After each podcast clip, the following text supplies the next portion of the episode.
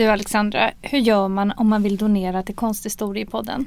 Jo, då går man in på vår Instagram-sida och så går man in på länk i bio och där finns det en knapp som heter Ge en slant till Konsthistoriepodden och den klickar man på.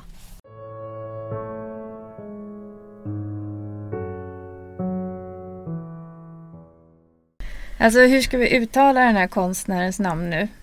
Ja, jag vet inte. I Tyskland har jag lärt mig att han heter van Gogh. Okay. Men jag vet ju att svenskarna säger van Gogh. Ja. Hur har du lärt dig? Ja, jag säger ju som de amerikanska, jag säger ju van Gogh. Fast jag, när jag undervisar säger jag nog van Gogh, tror jag. Men... Nu får vi enas. ja. Ska vi uttala honom så som man uttalas på nederländska? Ja, vi kan försöka. För det är väl jätteklurigt, eller? Det är det, men vi kanske kan lära oss. Ja. Då uttalas han ju van Gogh. Van Gogh. Van Gogh. Ja, jag Så. lovar inte att jag kan göra det genom ett helt program. Nej, inte jag heller. Men Nej. vi kan försöka i alla vi fall. Kan försöka. Då blir han Vincent van Gogh. Okej. Okay.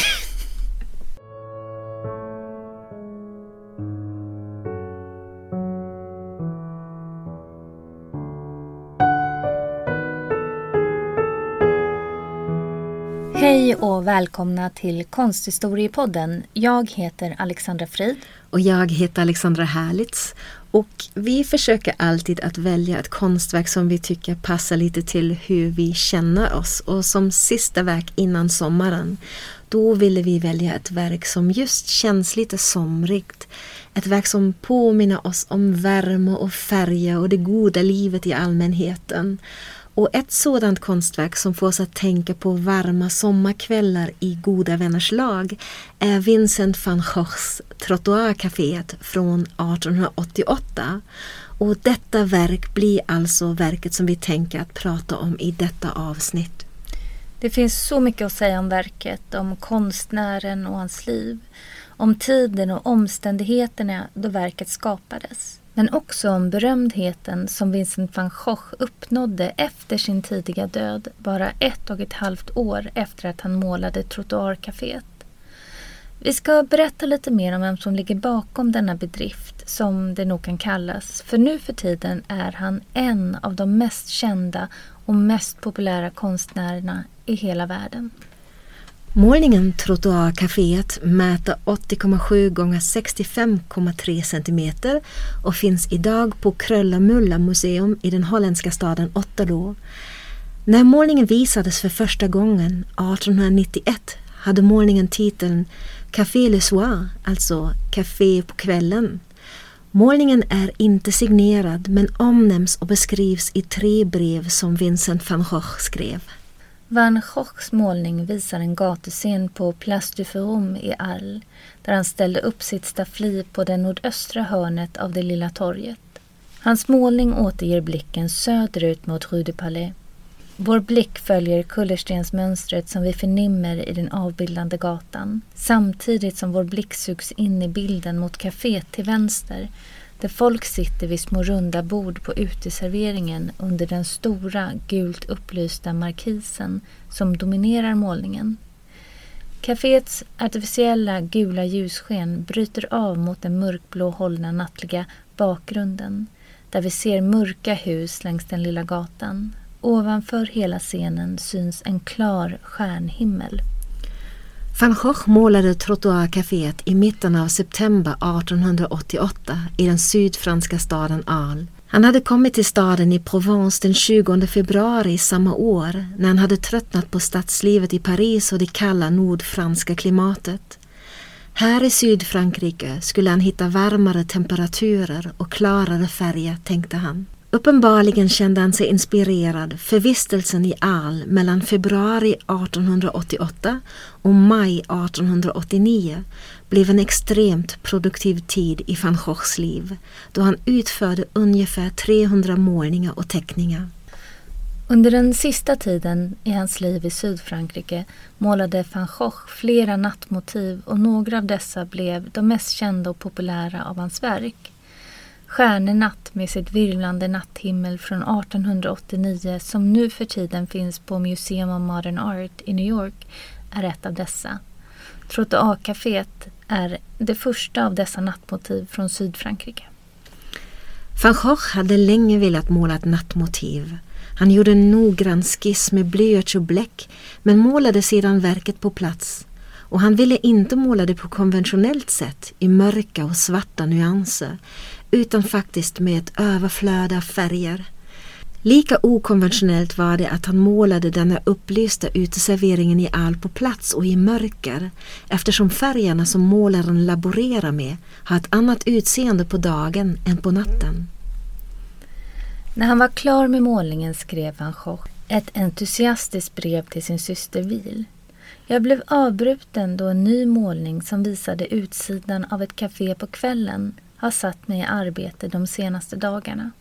En enorm gul lykta lyser upp terrassen, fasaden, trottoaren och projicerar även ljus över gatans kullersten som får en violettrosa ton. Husgavlarna på en gata som leder bort under den blå himlen som är besatt med stjärnor är mörkblå eller violett med grönt träd. Nu finns det en målning av natten utan svart med ingenting annat än vackert blått, violett och grönt och i denna miljö är det upplysta torget färgat i blekt svavelgult och citrongrönt. När man läser alla färger och nyanser som van Gogh nämner så förstår man hur viktig denna färgglädje var för honom och inte minst att han hade målat en nattbild utan att använda svart färg var betydande för honom. I samma brev skrev han jag tycker enormt mycket om att måla på plats på natten. Förr brukade man rita och måla tavlan efter ritningen på dagtid men jag tycker att det passar mig att måla saken med en gång. Det är sant att jag kan ta en blå färg istället för en grön i mörkret, en blå lila istället för en rosa lila, eftersom man inte kan urskilja tonens natur tydligt. Men det är det enda sättet att komma bort från den konventionella svarta natten med ett dåligt, blekt och vitaktigt ljus. Medan i verkligheten ett blått stearinljus i sig ger oss de rikaste gula och orangea tonerna. Hur noggrant van Gogh observerade och att han återgav stjärnornas konstellation på ett korrekt sätt har på senare tid även konstaterats av astronomisk forskning. I hans målning ser vi stjärnbilderna så som de ska ha varit synliga under natten mellan den 16 och 17 september 1888. Om man tittar på natthimlen från nära håll ser man tydligt hur van Gogh la på färgen i tjocka lager och med expressiva penseldrag. Han jämnade inte ut dessa och därför kan vi se dem med blotta ögat i hans målning. Vissa partier av stjärnhimlen känns nästan som att de är modellerade med färgen. Man kallar denna teknik för impasto denna teknik ger en målning en reliefliknande yta genom att färgen läggs på tjockt med penseln eller palettkniven. Impasto används just för att skapa en expressiv och nästan lite skulptural effekt i en målning. Van Gogh målade snabbt och spontant och utan större korrigeringar i efterhand. Man känner ofta en vitalitet och omedelbarhet i hans penseldrag. Men även om han förenklade motiven för helhetsverkans skull målade han inte impulsivt eller extatiskt. Han förberedde sina målningar noggrant, ibland med flera skisser, ibland bara mentalt. Han målade nästan alltid framför motivet, bara sällan ur minnet eller ur fantasin. Även om man kunde omgestalta det sedda i sina målningar, till exempel färgerna, så överskred han aldrig gränsen till abstraktionen.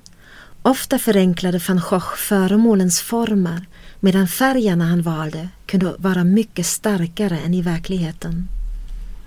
Han skrev själv om sina färgval. Från naturen tar jag en viss ordning och en viss precision i placeringen av tonerna. Jag studerar naturen för att inte måla dumheter utan hålla mig till förnuftet. Men om min färg verkligen är exakt densamma som i verkligheten det bryr jag mig inte om så länge som det ser bra ut i min bild. Målningen Trottoarcaféet har skapats med starka färgkontraster. Den mörkblåa natthimlen som möter den starka gul, grönt, orange upplysta markisen och utsidan av kaféet ger en väldigt stark dynamik åt målningen. Här anlitar Vincent van Gogh en så kallad komplementär kontrast, är alltså två färger som ligger mittemot varandra i färgcirkeln används. Och väljer man sådana motsatsfärger så leder denna maximala kontrast till att dessa två färger framhäver varandra. Van Gogh har återgivit gaslyktans gula ljus i en stark gul färg som skiftar i grönt och orange. Inte bara uteserveringen blir upplyst av denna utan lyktans sken reflekterar långt ut på gatans alla förbipasserande och även hästen som skymtar i bakgrunden. Som är precis på väg in i ljusets sken med vagnen som den drar bakom sig. Man ser tydligt att han har gått ifrån impressionisternas sätt att fånga ögonblicket och gestalta ljusets flyktiga natur. Van Gogh har i sina postimpressionistiska målningar gått vidare och tryckt mer på expressiva kvaliteter av ljuset. Ljusets sken används för att skapa en uttrycksfull och effektfull scen som utgår mycket från färgernas dynamiska samspel. Undersidan av markisen är uppbyggd av enbart gula toner som skapar en stark och klar färgyta som drar vår blick till sig. Caféets starka konstgjorda ljus står i en tydlig kontrast till det naturliga och mera subtila ljuset av den klara natthimlens stjärnor som van Gogh målade i gult och vitt på det blåa himlavalvet. Van Gogh själv var nöjd med effekten han skapade i mötet av den gula markisen och natthimlen. I ett brev skrev han jag tror att ett överflöd av gasljus som trots allt är gult och orange intensifierar det blå. Även om van Gogh använde starka färger och kontraster har hans målningar aldrig en gräll effekt utan han skapar harmonier genom mellantonerna som han använder för att mildra de övriga färgerna och för att binda ihop dem. Det är såklart inte bara färgkontrasterna som gör att målningen blir intensiv och spänningsfull. Det är även kompositionen, främst av linjerna och det anlagda perspektivet som bidrar till detta dynamiska uttryck. Mötet med den japanska konsten blev mycket viktig för Vincent van Goghs kompositioner. De många färgträsnitten som kom till Paris efter Japan hade öppnat sina gränser på 1850-talet begeistrade många västerländska konstnärer. Också van Gogh var fascinerad och samlade japanska färgträsnitt som han delvis kopierade till olja på duk och som i alla fall blev en viktig inspirationskälla för hans egen konst. Han tillägnade sig en del av de japanska gestaltningsprinciperna. Till exempel anlade han gärna platta färgytor som han kantade med tunna konturlinjer. Han kunde använda sig av järva diagonala kompositioner eller gestalta scener helt utan det naturliga skuggspelet, så som man kan se i japanska träsnitt. Denna järvhet i kompositionen och arbetet med plana färgytor ser vi även i målningen Trottoarcaféet. Inte minst i den stora gula markisen och det starka gula ljusskenet därunder. Van Gogh leder vår blick in i kompositionen med hjälp av de betonade svarta linjerna längs med trottoarkanten och rännstenen. Van Gogh har anlagt målningen så att betraktaren ser precis rakt ner mot en rännsten längst ner i mitten av målningen. Det är denna rännsten som i förlängningen leder till kyparen på kaféets uteservering. Kring denna rännsten strålar de andra linjerna i förgrunden samman. Till vänster ser vi trottoarkanten och bordsraden närmast huset som sammanstrålar mot denna mittlinje. Till höger är det stenläggningen som mynnar in mot den yttersta bordsraden av uteserveringen som är lite ljusare och ligger precis utanför terrassen och markisen. Men även linjerna i den övre delen av bilden drar vår blick in i målningen och in i kaféet. Det är markisens yttre kanter som löper genom bildrummet och möts i den centrala flyktpunkten som ligger i höjd med betraktarens öga. Flyktpunkten tycks ligga i den vitklädda figuren av kyparen som är den enda stående personen på kaféets terrass. I en tämligen ny tolkning av verket har van Goghs religiositet framhävts som en kontext för målningen och i denna tolkning har den vitklädda stående figuren fått en särskild betydelse. Men för att få bättre förståelse för denna tolkning får vi först berätta lite om van Gogh och hans liv. Vincent van Gogh föddes 1853 i den nederländska byn Gootsundet som ligger i Brabant vid den belgiska gränsen, något norr om Antwerpen. Han var äldsta barnet i en skara av sex barn. Hans far var en protestantisk präst och på det sättet hade Vincent van Gogh naturligtvis en kristen uppväxt. Till en början ville han också följa i faderns fotspår och själv bli präst, men kom så småningom att upptäcka att hans religiösa övertygelser skilde sig rätt mycket från den kristna läran som kyrkan representerade.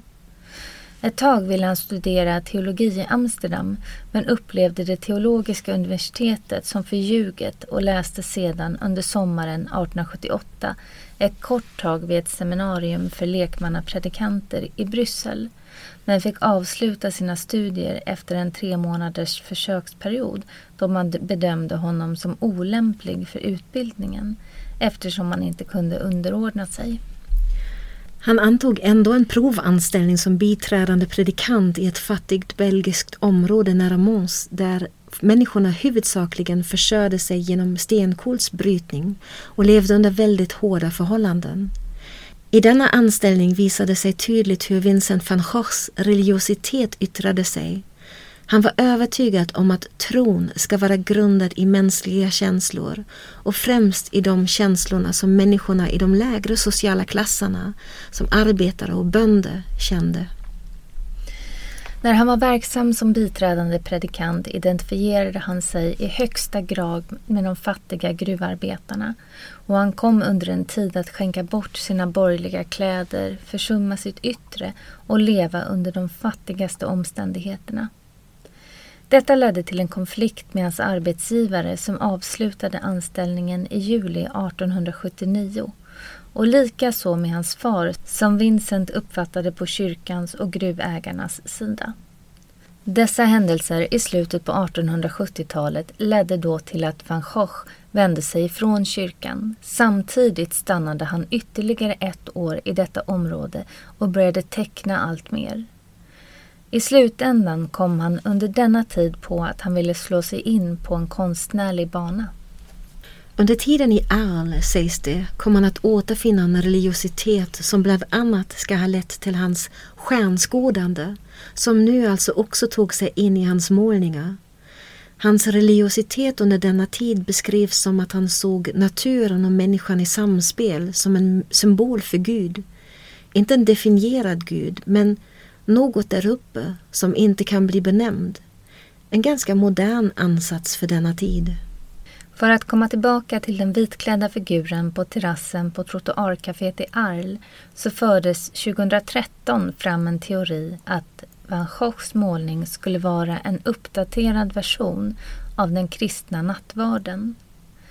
Till detta lades fram en mängd olika konstnärliga influenser som kan ha påverkat van Goghs skapande under sommaren 1888 i Arles. Till exempel nämns hans livslånga hängivenhet till Jesus Kristus och de fromma genrescener som han målade efter Jean-François Millets förebild. Korrespondensen med konstnärsvännen Emile Bernard i vilken de beskriver sökandet efter en helig realism det nämns också tankarna som man fick genom konstnärer som Boccaccio och Thomas Carlyle. Alltså att man ska klä gamla idéer i nya kläder. Som i detta fall ett traditionellt kristet motiv i en modern tappning. Och bland annat nämns två nattvardsstudier som van Gogh gjorde där han använde halmklädda stolar som han hade köpt in i dussin och som han också ville använda för att starta en konstnärsgrupp med tolv konstnärsapostlar i det gula huset i Al där han levde. Utifrån denna religiösa tolkning av trottoarcaféet menar man att van Gogh har placerat tolv matgäster som sitter runt den vitklädda kyparen likt de tolv apostlar som sitter runt Jesus. I trottoarcaféet sitter de utspridda till de runda bistråborden som placeras runt den upplysta vita figuren.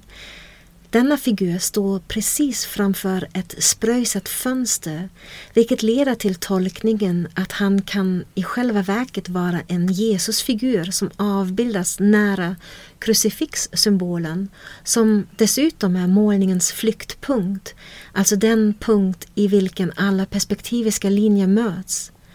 Och allt detta händer under stjärnhimlen som alltså kan ses som en tolkning för Guds närvaro i naturen.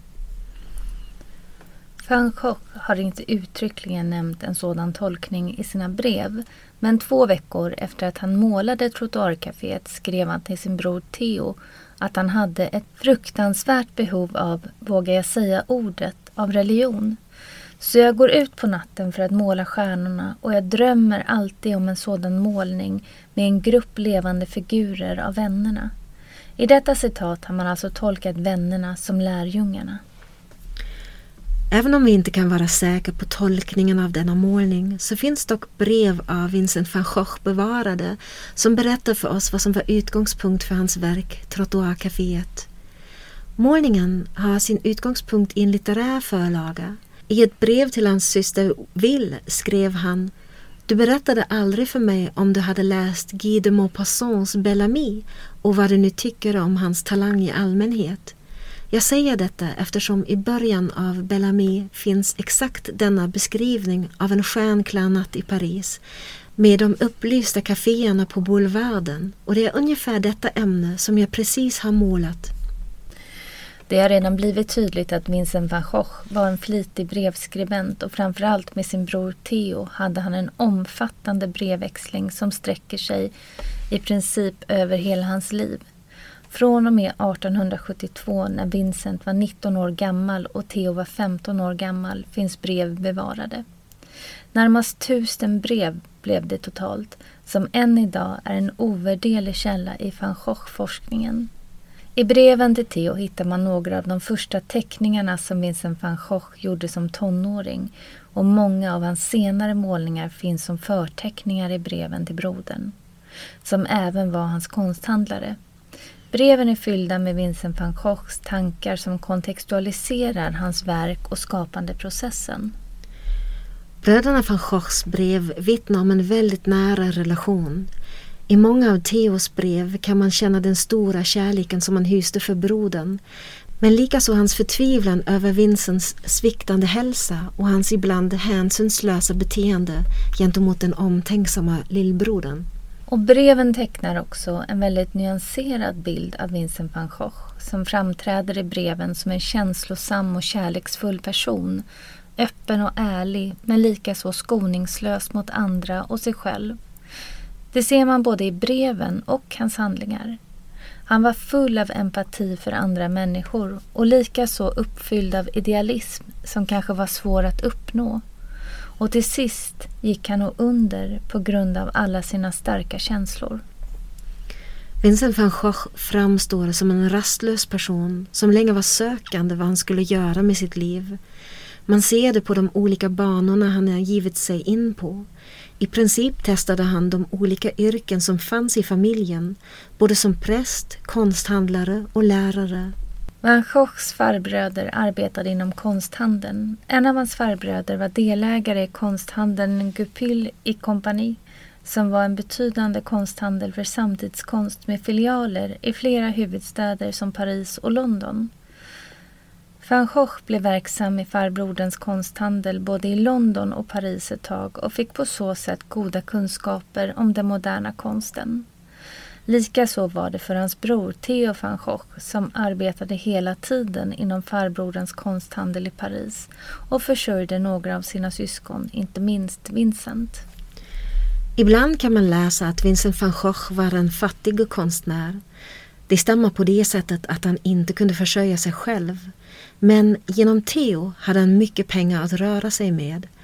Från 1882 fick han ett ekonomiskt stöd av Theo som låg på cirka 100 till 150 franc per månad. Detta var i alla fall mycket mer än vad en fabrikarbetare tjänade på denna tid då lönen låg på cirka 50 franc och de hade ofta stora familjer att försörja. En anledning varför Vincent van Gogh ofta hade ont om pengar var att han i första hand köpte sina konstnärsmaterial som han behövde och att han först i andra hand tänkte på mat och dryck. 1881 bröt Vincent van Gogh med sina föräldrar och lämnade deras hem för att flytta till Haag. Från november 1881 tog Vincent van Gogh undervisning i måleri och teckning hos Anton Mauve som inte bara var van Goghs kusins make utan också en erkänd landskapsmålare, en akvarellist som ingick i den så kallade Haagskolan. Mauve var övertygad att Vincent van Gogh var en bra målare och ville hjälpa honom både med tekniken och ekonomin. Tyvärr ledde olika konflikter mellan elev och lärare i maj 1882 till ett tidigt slut av deras undervisningsrelation. Men Mova har ändå klassats som en väldigt viktig lärare för Vincent van Goghs utveckling. Efter en kortare tid i föräldrahemmet och tre månader i Antwerpen där van Gogh skrev in sig på konstakademin, som han dock snabbt uppfattade som för traditionell, samtidigt som han själv uppfattades av andra som en särling, flyttade van Gogh 1886 till Paris för att leva ihop med sin bror Theo. I Paris anslöt sig Vincent van Gogh den rådande impressionismen men utvecklade som många andra avantgardister också ett starkt intresse för den japanska konsten. Theo uttrycker i brev sin glädje över Vincents gladare humör och hans framgångar och berättar att han börjar göra succé. Han började måla blommor så att hans målningar skulle bli mera färgglada. Allt verkade gå bra och Theo var tillförsiktig att Vincent snart skulle klara sig på egen hand. Vincent hade inte sålt något ännu men han bytte sina verk mot andra målningar och det här ledde till att bröderna började få en fin samling av värde. Det finns denna myt om Vincent van Gogh och att han bara sålde ett enda verk under sitt liv. Det går tyvärr inte riktigt att rekonstruera dessa händelser men man tror nu för tiden att det kan ha varit runt tio målningar som han sålde. Den enda dokumenterade försäljningen är dock hans målning Rött vinberg som han sålde på en utställning i Bryssel 1890 för 400 francs till den belgiska målaren Anna Boch. Viktigt är just den nämnda byteshandel som van Gogh betrev. Även om det inte handlar om försäljningar så är det en typ av handel då hans verk bytte ägare och det är en typ av handel som händer ganska frekvent. Men vad är det som gör att Vincent van Gogh beger sig från huvudstaden till Arles i södra Frankrike? Det finns teorier om att Theos relation till hans senare maka Johanna Bonga började bli mera seriös. De förlovade och gifte sig först 1889 men 1887 tar deras kärlekshistoria fart. Theos fru Jo ska vi komma tillbaka till senare för hon kommer att ha en viktig roll för van Goghs konstnärskap. I ett brev som Theo skriver den 24 och 26 februari 1888 till systern Wil blir det tydligt varför Vincent ger sig av och också hur svårt Vincents avsked blev för Theo. Theo skrev Vincent begav sig söderut i söndags, först till Arles för att orientera sig och sedan förmodligen till Marseille. Framför allt försöker denna nya målarskolan få in ljus och sol i sina målningar och man kan väl förstå att de grå dagarna på senare tid gett lite material till motiv. Dessutom gjorde kylan honom sjuk. Dessa år som var fyllda av så mycket sorg och motgångar har inte gjort honom starkare och han kände ett starkt behov av mildare luft. En resa på en natt och en dag och man är där, så frestelsen var stor och därför bestämde han sig snabbt för att åka dit. Jag tror definitivt att det kommer göra honom gott, både fysiskt och för hans arbete. När han kom hit för två år sedan trodde jag aldrig att vi skulle bli så nära varandra, för nu, när jag är ensam i min lägenhet igen, finns det helt klart ett tomrum här. Om jag hittar någon så vill jag leva med någon. Men att ersätta någon som Vincent är inte lätt. Det är otroligt hur mycket han vet och vilken tydlig syn på världen han har. Så jag är säker på att han kommer att göra sig ett namn om han har ett visst antal år kvar att leva. Så van Gogh lämnade Paris för att komma ifrån det kalla och ruggiga nordfranska klimatet och för att komma till en plats med sol och värme som möjligtvis inspirerar med sina klarare färger. Tanken var att han skulle till Marseille men han fastnade i Arles där han anlände den 20 februari 1888.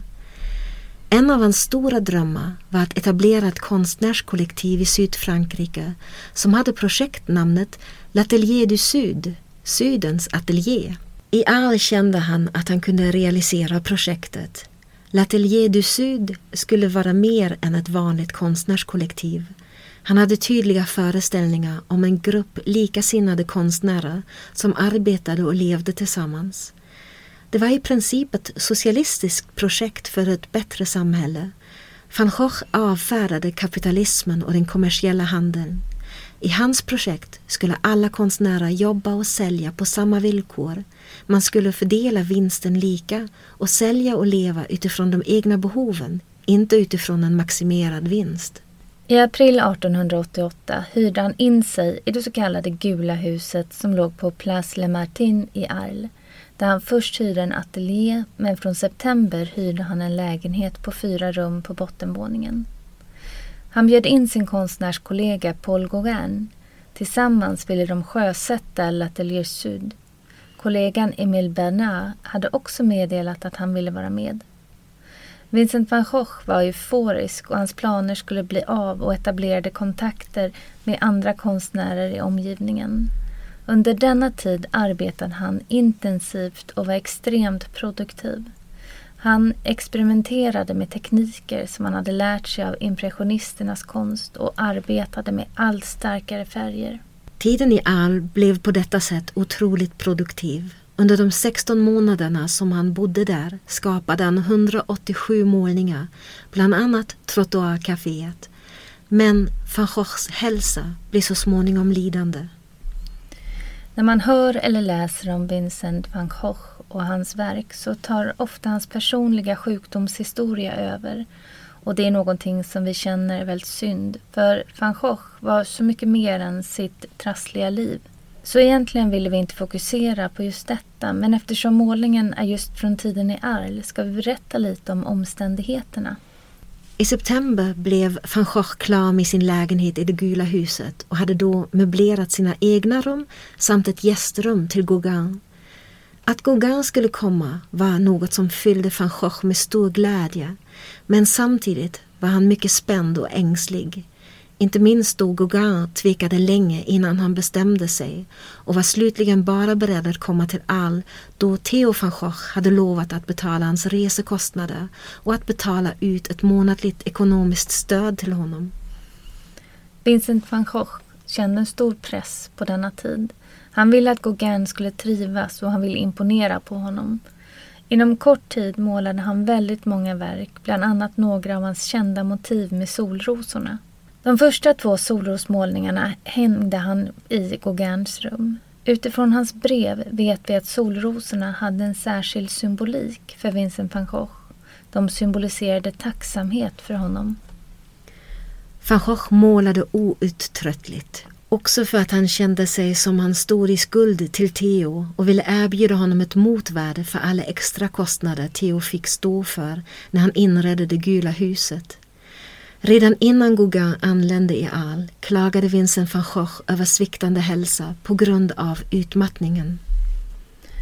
Vincent van Gogh hade problem med sin hälsa under hela sitt liv, både den psykiska och den fysiska hälsan. Det finns ingen konkret diagnos trots att många forskare har presenterat teorier. I breven kan vi läsa om återkommande depressiva episoder och det som vi också kan läsa ut är att van Gogh var en nervös person. Han konsumerade dessutom stora mängder alkohol och kände hård press på sig själv över att Paul Gauguin skulle komma till honom. Gauguin var ändå en målare som var mycket mer känd än han själv och därför var han rädd att han skulle kunna lämna hans viktiga projekt L'Atelier du Sud. Lägger man ihop allt detta så får man ett hum om vad som kan ha föranlett det omtalade sammanbrottet som skedde under Gauguins besök i Arles då van Gogh bland annat skar av sig sitt öra. Vincent van Gogh kände inte Paul Gauguin så väl. De hade först träffats i Paris november 1887, alltså bara ett år innan de skulle bo ihop i Arles. Vincent van Gogh arrangerade en utställning i en restaurang där han ofta åt, Grand Bouillon Restaurant du Chalet, som låg på Avenue de Clichy. I denna utställning visade han ungefär hundra av sina egna målningar vid sidan av verk av bland annat Toulouse-Lautrec och Émile Bernard. Paul Gauguin kom och besökte denna utställning, vilket var hans första möte med Vincent van Gogh och hans verk. Det verkar som om han gillade vad han såg, för de två konstnärerna bytte verk med varandra. Den 23 oktober 1888 anlände Paul Gauguin i Arles medan Emile Bernard fortfarande tvekade inför resan söderut.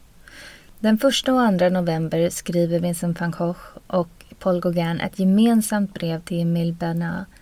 Detta brev auktionerades ut år 2020 för 210 600 euro då det är det enda existerande brevet av båda målare tillsammans. Utifrån brevet förstår man att de då fortfarande var eniga, arbetade tillsammans och planerade för framtiden. Det fanns planer på att Al bara är en station för L'Atelier du Sud och att de ville dra längre söderut, till tropikerna, möjligtvis efter en station i Marseille. Van Gogh var redo att följa med Gauguin till tropikerna för att förverkliga sin dröm. Paul Gauguin bodde i Arles i nio veckor och det dröjde inte länge innan det blev spänningar mellan de två.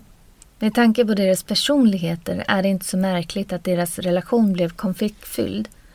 De var båda egensinniga och emotionella. Båda var lynniga och lätt irriterade, samtidigt väldigt övertygade över sitt egna måleri.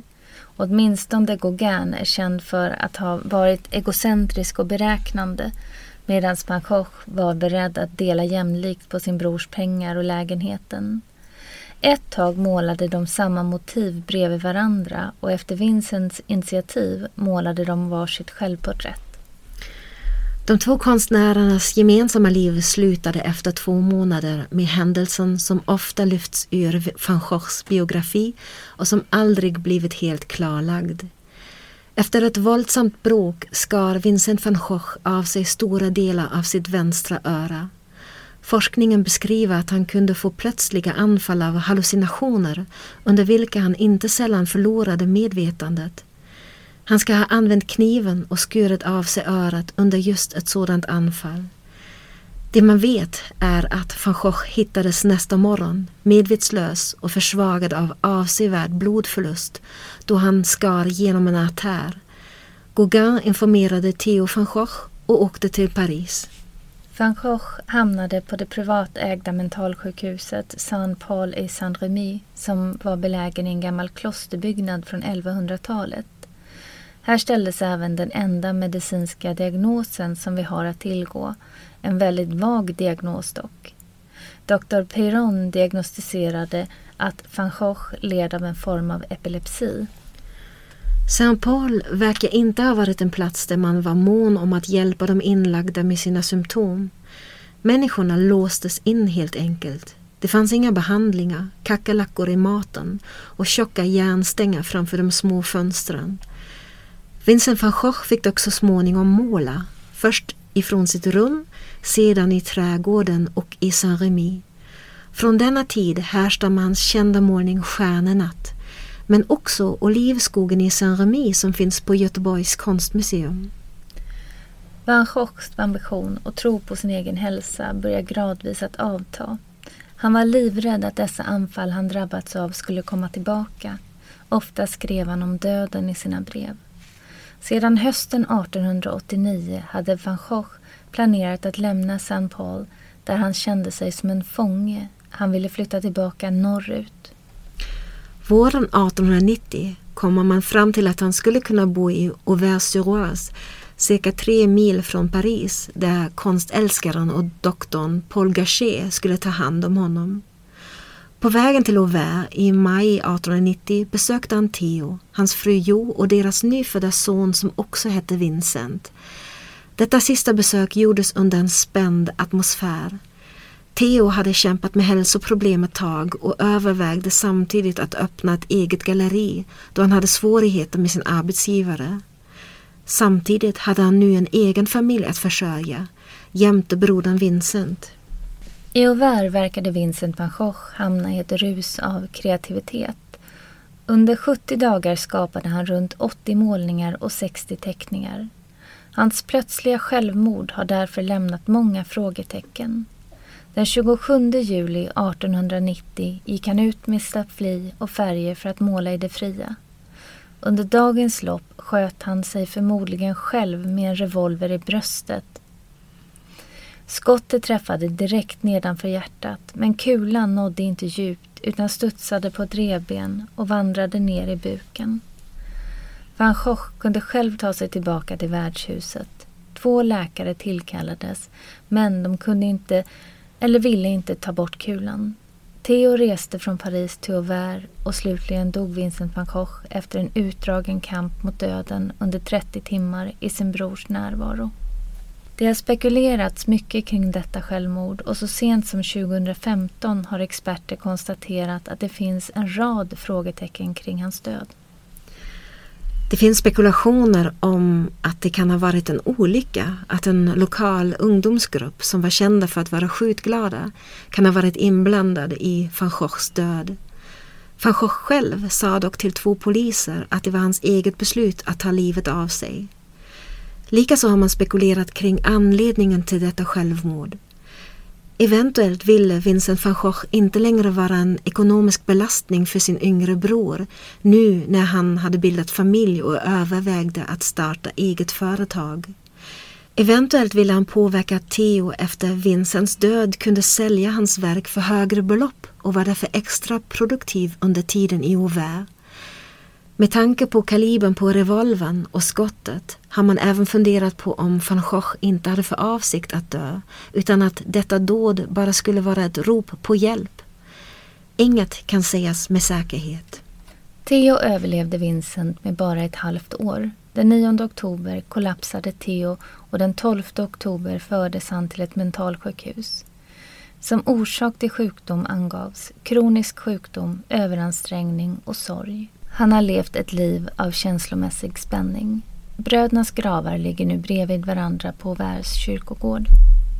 Då både Vincent och Theo van Gogh dog unga, vem förvaltade då hans konstnärskap och la grunden för att hans verk kom att bli så berömt som det är idag? Jo, det var kvinnan vid namn Johanna van Gogh Bonga som kallades Jo och som var Theos fru. Under de sista två åren av sitt liv hade Vincent van Gogh fått ett erkännande bland avantgardet och hans verk hade visats på utställningar i både Paris och Bryssel. Efter Vincents död ville hans bror Theo inget annat än att lyfta fram broderns arbete. Men han själv hade bara ett halvår på sig innan han själv gick bort. Hans änka Jo satte igång med uppgiften. Hon sålde några av Vincents verk, lånade ut andra till utställningar och inte minst publicerade hon Vincents brev till Theo. Hon gjorde detta inte bara för att det var Theos uttryckliga önskemål utan förstås också för att hon förvaltade arvet efter Theo för deras gemensamma son Vincent. Men utan Jos engagemang hade nog van Gogh aldrig tagit hela världen med storm. Det är van Goghs fascinerande livsöde som blev en av anledningarna till hans otroliga popularitet. Och detta öde får vi följa just genom den stora brevsamlingen. 1914 publicerade Jo brödernas korrespondens. På så sätt fick allmänheten veta mer om konstnärens liv, hans gripande öde och hans tidiga tragiska död. Priserna på hans verk ökade stadigt och han blev en symbolgestalt för det missförstådda geniet. Denna bild ledde till ett stort intresse som kommersialiserades i böcker, filmer och musik. Först ute var konsthistorikern Julius Maja Gräfe som redan hade publicerat ett antal vetenskapliga verk om Vincent van Gogh när han 1921 publicerade sin roman Vincent i två delar. Syftet med denna bok var uttryckligen att främja bildandet av en legend, För ingenting är mer nödvändigt för oss än nya symboler, legender om mänskligheten från våra länder, som Maja Grefe skrev. Sedan dess har dessa ensidiga tolkningar och överdrifter lett till en regelrätt van Gogh-myt som fortfarande påverkar sättet att se på konstnären och hans verk. I många romaner, filmer och även i popsånger som Don McLeans Vincent Starry Starry Night från 1971 stiliseras Vincent van Gogh till den missförstådda lidande som är för bra för denna värld. Idag har vi kunskap om över 900 målningar och över 1000 teckningar bevarade efter Vincent van Gogh. De flesta av målningarna skapades under de sista tio av hans 37 år i livet. Av många motiv existerar flera versioner. Å ena sidan målar han variationer eller provade förbättringar. Å andra sidan målar han ofta om bilder till sig själv eller sin bror om han ville eller om man hade gett bort en målning. Tiden i Arles blev särskilt produktiv med 187 målningar och ungefär lika många teckningar som gjordes under dessa 16 månader. Det är målningarna från Arles som också benämns som Vincent van Goghs mogna stil. Här började han måla i den färgglada och expressiva stilen som han kom att förknippas med det är en stil som han i princip hade börjat att utveckla när han fortfarande var i Paris, men som han på denna tid inte ännu hade tillämpat konsekvent. Det är denna målarstil med starka färger och uttrycksfulla linjer och penselföring som han kom att bibehålla till sin död och som vi nu för tiden uppfattar som typisk för van Gogh. När man nu för tiden tar sig genom staden Arl så kan man se markeringar där van Gogh satte upp sitt staffli och målade sina välkända motiv. Hans gula hus kan man dock tyvärr inte längre besöka i Arl. Den 25 juni 1944, under en bombning av de allierade, där broarna över floden Rhône skulle förstöras, förstörde en bomb hela området. Men kaféet finns faktiskt kvar. Det var allt vi hade att säga om Vincent van Goghs trottoarcafé från 1888. Vi kommer tillbaka i augusti och vad det blir för konstverk då, det får ni höra då. Ha en fin sommar så hörs vi snart. Bon été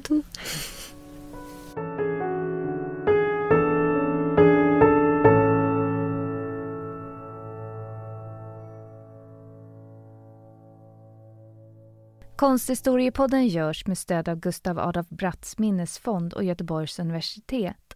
Manus och klippning görs av Alexandra Frid och Alexandra Herlit